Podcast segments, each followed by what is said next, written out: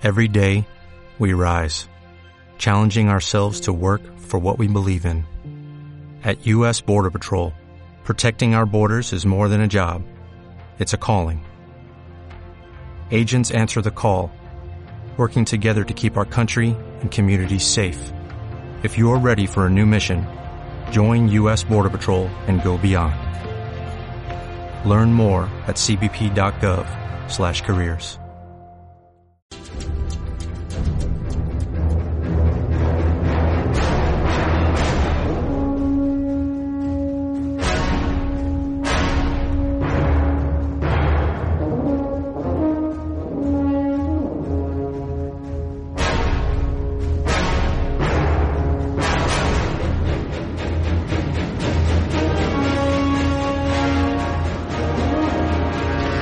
Agustí Torres és president de Charmet, una associació sense ànim de lucre creada per a l'estudi i conservació dels taurons del Mediterrani Occidental, amb especial interès a les Balears.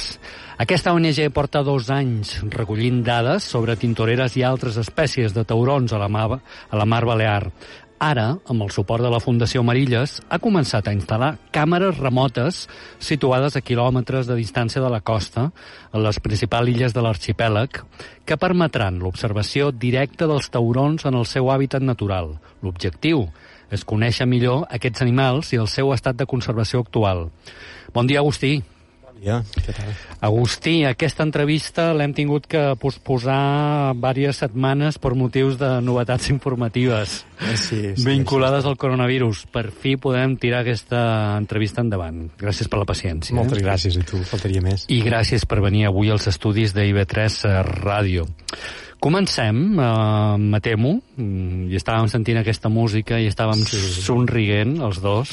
Com, uh... Comencem recorrent els tòpics, els tòpics dels taurons i la seva sí. perillositat per culpa del cinema i per culpa de determinats sectors de la premsa estrangera.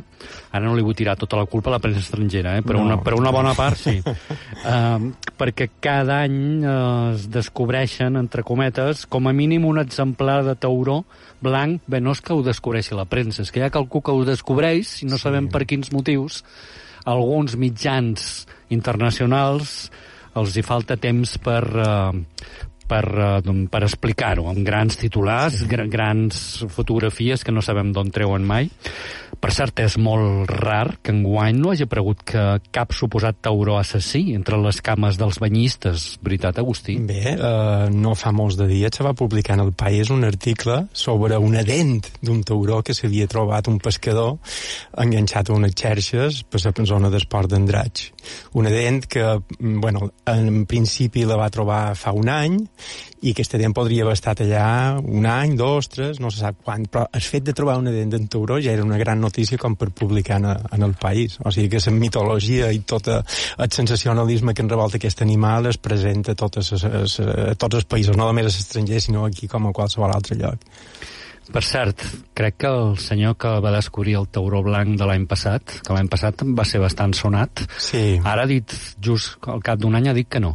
Exacte, ara ell acaba de publicar un article aquí on ell eh, identifica aquell suposat tauró blanc com, com un Isurus oxyrhynchus, o sigui, un salt roig, quan en aquell moment se li va dir que anés molt alerta amb el que deia que veia perquè molts altres científics tenien dubtes de que realment fos un tauró blanc.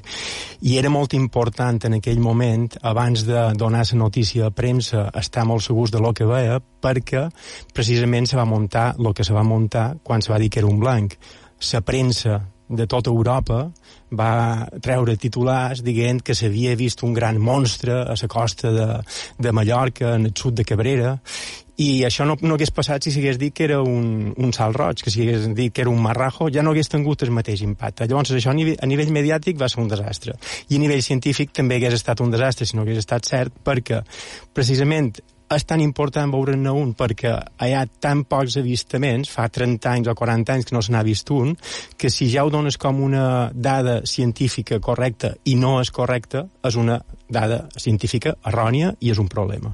Llavors, per això era molt important identificar-lo bé abans de donar eh, eh, eh, en fanfàrries eh, com se va donar la notícia de que s'havia vist un blanc. Aquest senyor era en Fernando López Mironés, Correcte. que és un divulgador científic i crec que també és crec que és, no sé si és científic, és professor associat a la Universitat Villanueva de Madrid, estic llegint. Sí, per això, sí, essent científic, més que ningú hauria de conèixer la importància de, de, de la veracitat d'aquestes coses i de comprovar molt bé abans de publicar-les.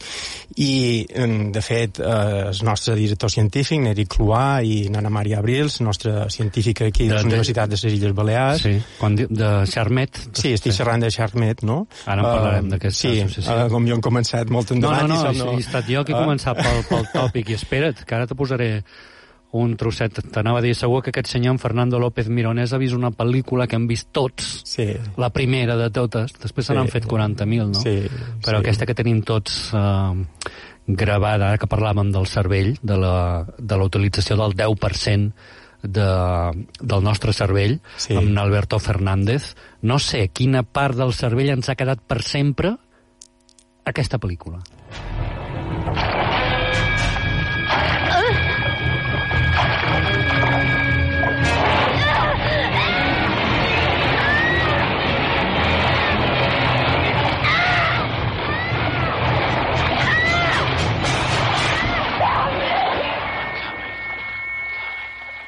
He sabido hoy que una chica fue destrozada hace una semana. Y usted lo sabía. Usted sabía que un tiburón rondaba por aquí. Y que era peligroso. Sin embargo, permitió que la gente se bañara.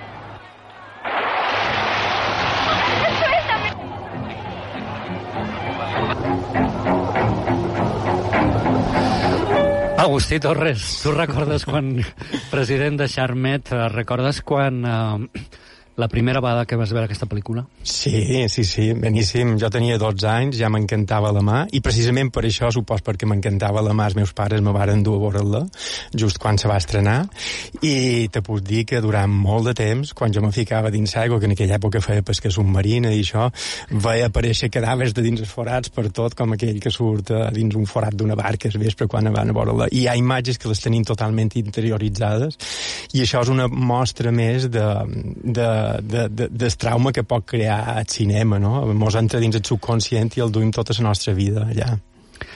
Vinga, i Charmet, quant temps el portaves en el subconscient fins que vas decidir materialitzar aquesta associació, aquesta ONG? Agustí. Mira, podrien, que, eh, podrien dir que la idea de Sharkmet va sortir quan fa l'any 2009-2010 vaig estar col·laborant amb aquest amic meu, Neric Cloà, que ell és especialista en taurons, ell és biòleg i és professor actualment de la Universitat de Perpinyà, eh, que treballa en taurons per tot el món, però sobretot en el Pacífic. Durant uns anys vaig estar col·laborant amb ells eh, allà, en el Pacífic, documentant projectes científics que els tenien de recerca en taurons. I com que ell també és una, una persona molt vinculada a Mallorca, des de petit, des de que teníem 12 anys mos coneixem, d'aquella època que fèiem pesca submarina plegats de nins, eh, li apassiona la mà i li apassiona Mallorca, perquè estiuejava aquí tota la vida, varen pensar per què no posam també un estudi interessant en marxa a Mallorca, a Balears. I va ser així com vàrem contactar amb, amb la doctora Ana Maria Abril, de la Universitat de les Illes Balears, del Departament de, de Zoologia, i li varen proposar eh, crear un, un, un marc de col·laboració entre les dues universitats, eh, amb ells dos com a representant de cada una d'aquestes institucions, per dur a terme un estudi d'observació en directe de taurons aquí a les Balears. De fet, porteu ja dos anys. T tres, tres. Tres anys. Mm -hmm. que passa que ara heu firmat un conveni amb Fundació Marilles Sí. Per um, revitalitzar aquest projecte, podríem dir? O... Sí, sí, perquè aquests tres primers, eh, aquests tres primers anys les hem dedicats a desenvolupar la metodologia per poder-los estudiar. Mm -hmm. Perquè quan vàrem pensar de fer això, és molt diferent estudiar els taurons en específic o estudiar-los aquí en el Mediterrani. Per què? Perquè aquí n'hi ha tan pocs que nosaltres mateixos dubtàvem de si les podríem arribar a veure Llavors, com les pots estudiar en el mateix, en el seu medi natural, si no les pots veure, si no les pots trobar. Llavors, durant aquests tres primers anys mos hem dedicat a desenvolupar una metodologia que ha funcionat, que en la qual, a, través de càmeres que funcionen d'una manera automatitzada i a través d'un esquer que les atreu, podem enregistrar eh, taurons i ja n'hem vist bastants i ja mos ha, tret, eh, ja mos ha eh, aportat dades desconegudes fins ara. Quantes en teniu en marxa ara mateix, d'aquestes càmeres? Uh, en aquest moment hi ha quatre equips de feina a les Balears. N'hi ha uh, aquí a Mallorca som dos equips, els de SharkMed nosaltres mateixos, i col·laboram amb Save the Med, amb, eh, amb el biòleg, amb, amb en Biel Morell, que els tenen un altre equip d'aquests per ah, anar fent els, campanya. El, el de la, el baler aquest espectacular, com se diu? El Stop the Bike, sí. sí, exacte, oh. exacte, sí. I després hi ha dos equips més, un a Formentera, que mm. el dirigeix en, en Manu Sant Fèlix, que mm. faran les campanyes a Formentera. Ah, molt bé, el vàrem entrevistar també aquí a, Exacte. a IB3 Ràdio. I, i a Menorca, eh, la productora Paliàrtica Films, amb en Sergi Escandell, ell és mm. soci també de Sharkmet, i ell fan les campanyes allà a, a Menorca. Tens un equip de primera. Tenim un equip de primera, estem molt contents. Ah. Llavors, el que podríem dir és que eh, durant aquests primers tres anys hem desenvolupat la metodologia i una vegada que l'han tenguda, eh, Marilles ens ha donat el suport per ja fer un estudi més profund i aprofitant en el màxim aquesta metodologia.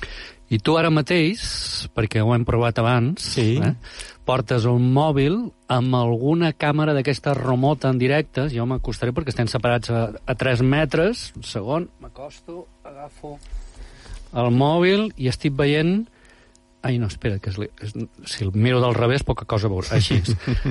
Molt bé. Uh, què estic veient?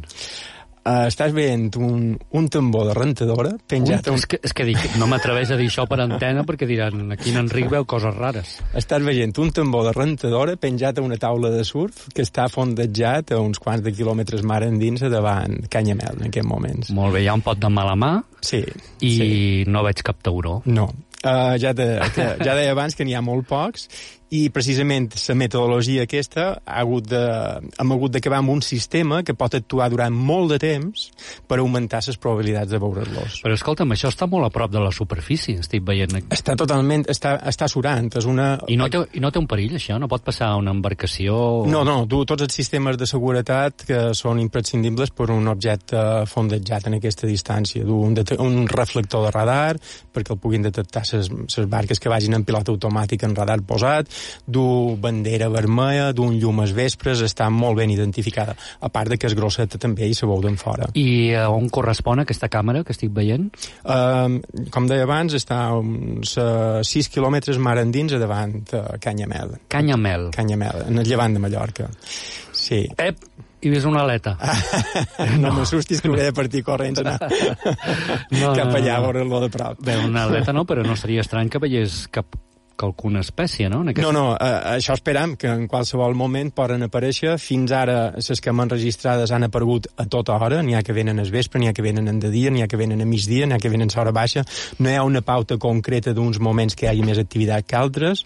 I el mateix mos passa en les èpoques de l'any i això, que de moment han vist només tintoreres, eh, perquè, perquè és, és l'espècie que abunda més. Hi ha altres espècies Espera, que... que te passo la, el mòbil, perquè és molta responsabilitat. A més a més, se me'n van els ulls tota l'estona cap a aquesta imatge, a si apareix alguna cosa. Exacte, hem d'estar vigilants tot el temps. Que torno al mòbil, i, Així és. Eh, Escolta, com... I com funciona això?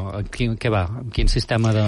En el final és un sistema que va alimentat amb una placa solar. Placa aquesta solar, placa solar sí. alimenta una bateria i aquesta bateria alimenta la càmera per un costat i alimenta tota la il·luminació que, que necessita. En el vespre, el vespre d'un llum, perquè de vegades en el principi, antes de posar aquell llum, mos prenien l'esquer i no sabíem què era, perquè havia estat el vespre i la càmera no, no ho havia enregistrat, llavors a partir de ja de, de bastant en el principi vàrem incorporar un llum, i després també alimenta aquell llum que comentàvem de, de posició per, perquè no hi hagi possibles col·lisions, no? Després també alimenta, que és molt important, i per això podem veure aquí ara imatge, un transmissor de vídeo, que aquest transmissor, pues, eh, amb aquest transmissor tenim imatge a la xarxa i podem veure com una càmera de seguretat de, de les que tenim molta gent a casa, de les que té molta gent a casa. L'objectiu és um, detectar tintoreres o fins i tot detectar noves espècies de taurons que balears normalment no, no veiem? No, mira, el problema pel qual van posar aquest, aquest estudi en marxa és perquè fins ara els estudis sobre taurons se feien a partir d'animals morts, se feien a través de les pesqueries. Els científics, els biòlegs, se n'anaven a la llonja o s'embarcaven dins barques de pesca i estudiaven els, els, els individus pescats. Llavors això creava un gran buit d'informació i era, en, pensàvem, era necessari poder-los observar en el seu medi natural. Un dels grans buits d'informació que creen actualment és que, per exemple, quan una espècie se protegeix, i se prohibeix la pesca, clar, si tu les estudies a partir de, de les pesqueries, vol dir que ja aquests individus no te, no te venen a la llonja, amb la qual deixes de tenir informació. Eh, llavors, les, les, les, les maneres tradicionals de com s'havien estudiat no serveixen i hem de cercar noves maneres per nosaltres aproximar-nos allà on estan. I per això tenim moltes esperances de que en un moment donat pugui passar un salt roig, un marraix, una altra espècie com que, que, que, que encara no hem vist perquè realment hi ha molt poques estan. I per això també és molt important actuar ja perquè estem en un moment molt crític, que si no actuam ja, moltes espècies poden desaparèixer ja per sempre. Perquè una mà amb taurons és una mà en bon estat de conservació? Sí. Um, actualment sabem que dins un ecosistema hi ha una escala tròfica i que és molt important que aquesta escala tròfica mantengui un equilibri. En el moment que tu lleves un esgló d'aquesta escala tròfica, se, se desequilibra aquesta escala tròfica i fa que les altres espècies, unes se reprodueixin amb excés, aquestes que se reprodueixen amb excés consumeixen amb excés altres espècies i això pot provocar inclús la desertització hi ha casos de desertització degut a un trencament de l'escala tròfica. A més a més de posar aquestes càmeres, quatre en aquests moments eh, en funcionament, crec que també feu campanyes. I fa, un pare... fa dues setmanes crec que eres eh, en Aigües de Cabrera. Exacte.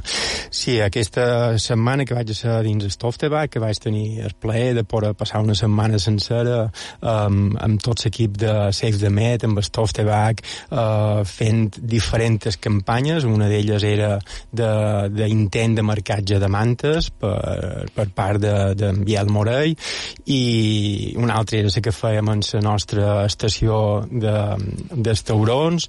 També s'intentaven captar imatges de bancs de tonyines, era una situació per un biòleg i per una persona enamorada de la mar, realment era una situació idíl·lica, no? Van tenir dies de bona mà, després varen haver d'acursar un poc la campanya degut a que van entrar un pot de, de, de mala mà però ja t'he dit, va ser una campanya realment molt interessant. I eh, vareu eh, trobar que alguna espècie diferent que no esperàveu? Uh, no. Espècie, en aigües de Cabrera? No, uh, precisament uh, l'estació de taurons eh, en aquella campanya no em va enregistrar cap ni un. Va estar cinc dies posat i no em van registrar cap ni un. No obstant, jo no sabia que les Balears constitueixen una àrea relativament rica en taurons i rajades respecte a altres zones de, del Mediterrani. Mira, mm. el llibre vermell, tinc aquí el, a la punt, el llibre vermell de peixos de les Illes Balears del govern diu que de les 56 espècies de taurons i rajades registrades, que no sabia que n'hi havia tantes, 34 estan amenaçades i 17 estan en perill crític o ja s'han extingit a nivell regional.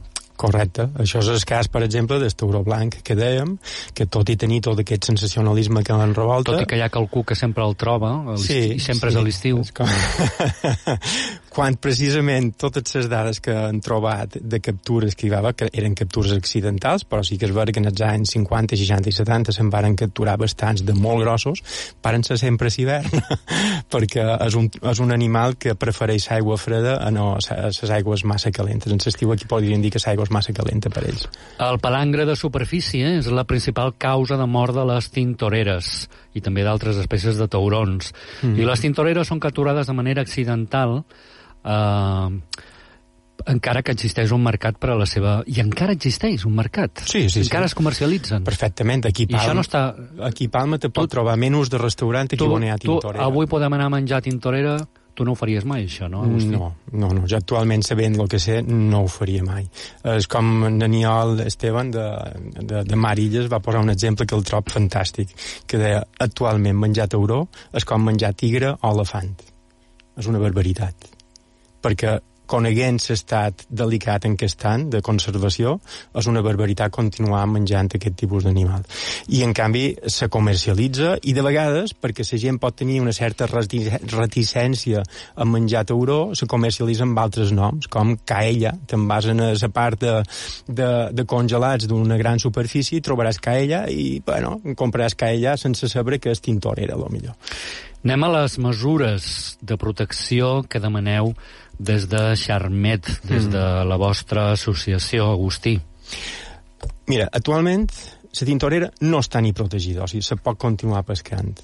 I, però el problema més greu que té la tintorera és el mateix que tenen les espècies protegides, i és que les arts de pesca eh, són massa poc selectives i llavors aquest, aquests animals, tot i que estiguin protegits, continuen sent víctima, víctimes de la pesca accidental del palangre de superfície calat sobretot pel peix espasa.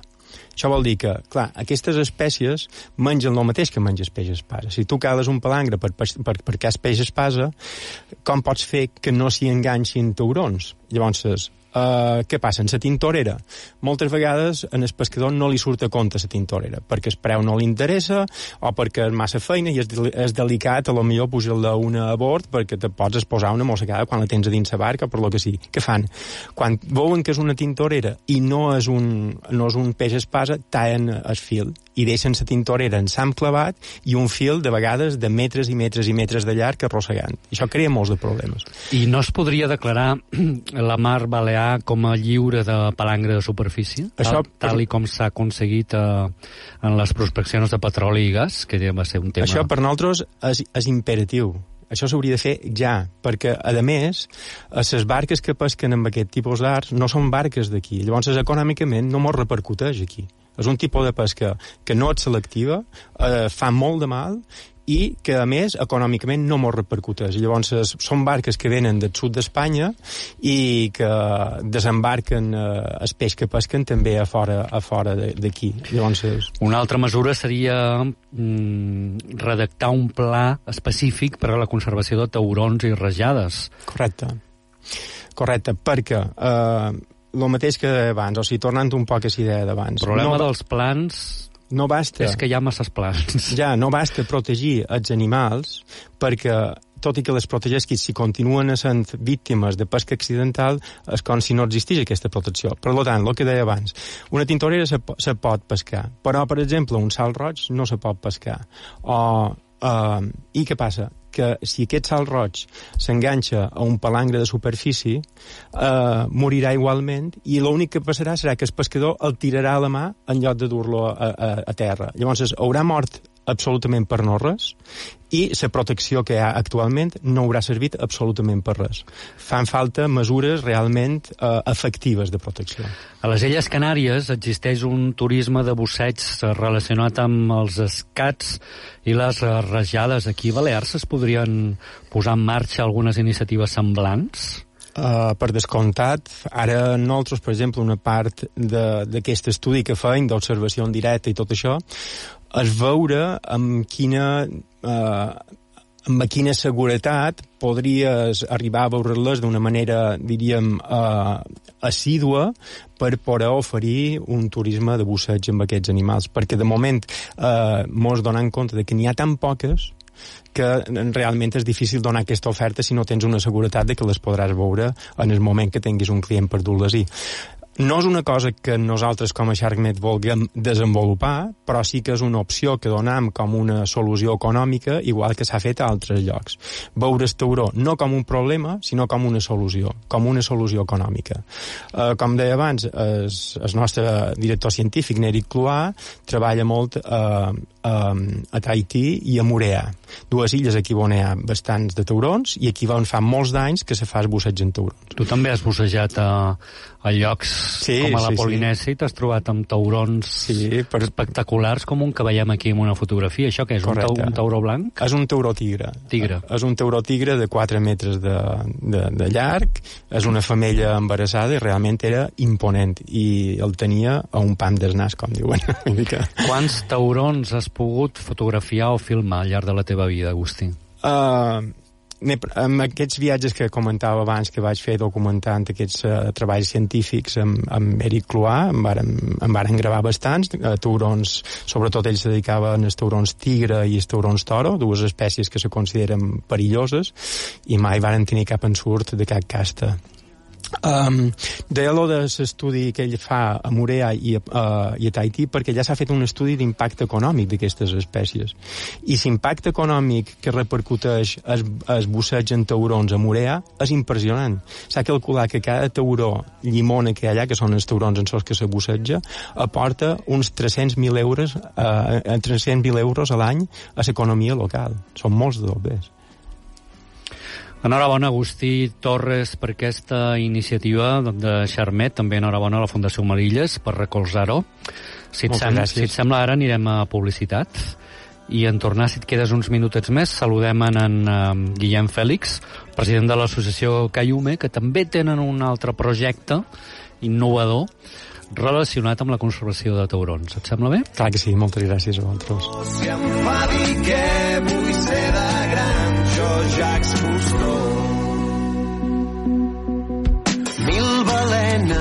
tocar, sentir l'electrostàtica i el mar. Calipso ve, calipso va.